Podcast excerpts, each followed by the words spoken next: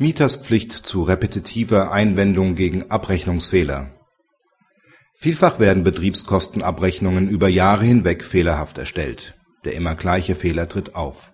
Allerdings wird der Mieter nicht davon frei, jährlich seine immer gleichen Rügen zu erheben.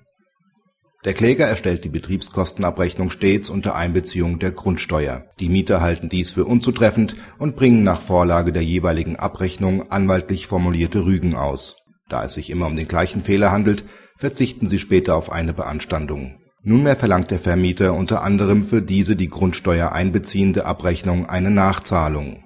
Der BGH folgt den sich gegen die Forderung mit dem Argument der Fehlerhaftigkeit der Abrechnung wehrenden Mieter nicht. Es mangelt an der nach § 556 Absatz 3 Satz 5 BGB notwendigen fristgerechten Geltendmachung von Einwendungen gegen die nach Auffassung der Beklagten falsche Betriebskostenabrechnung auf die Rügen der Vorjahre können sie sich insoweit nicht berufen, denn die Bestimmung will erreichen, dass nach rügelosem Fristablauf zwischen den Parteien Rechtsfrieden einkehrt. Dieses Ziel wird, wenn man auf Einwendungen zu anderen Abrechnungen Bezug nehmen könnte, verfehlt. Praxishinweis Sind Abrechnungen infolge eines gleichen Fehlers unzutreffend, muss zwangsläufig auch die Erhebung von gleichen Einwendungen ständig wiederholt werden die Bezugnahme auf andere, möglicherweise schon lange zurückliegende Abrechnungen würde dieses Ziel vereiteln.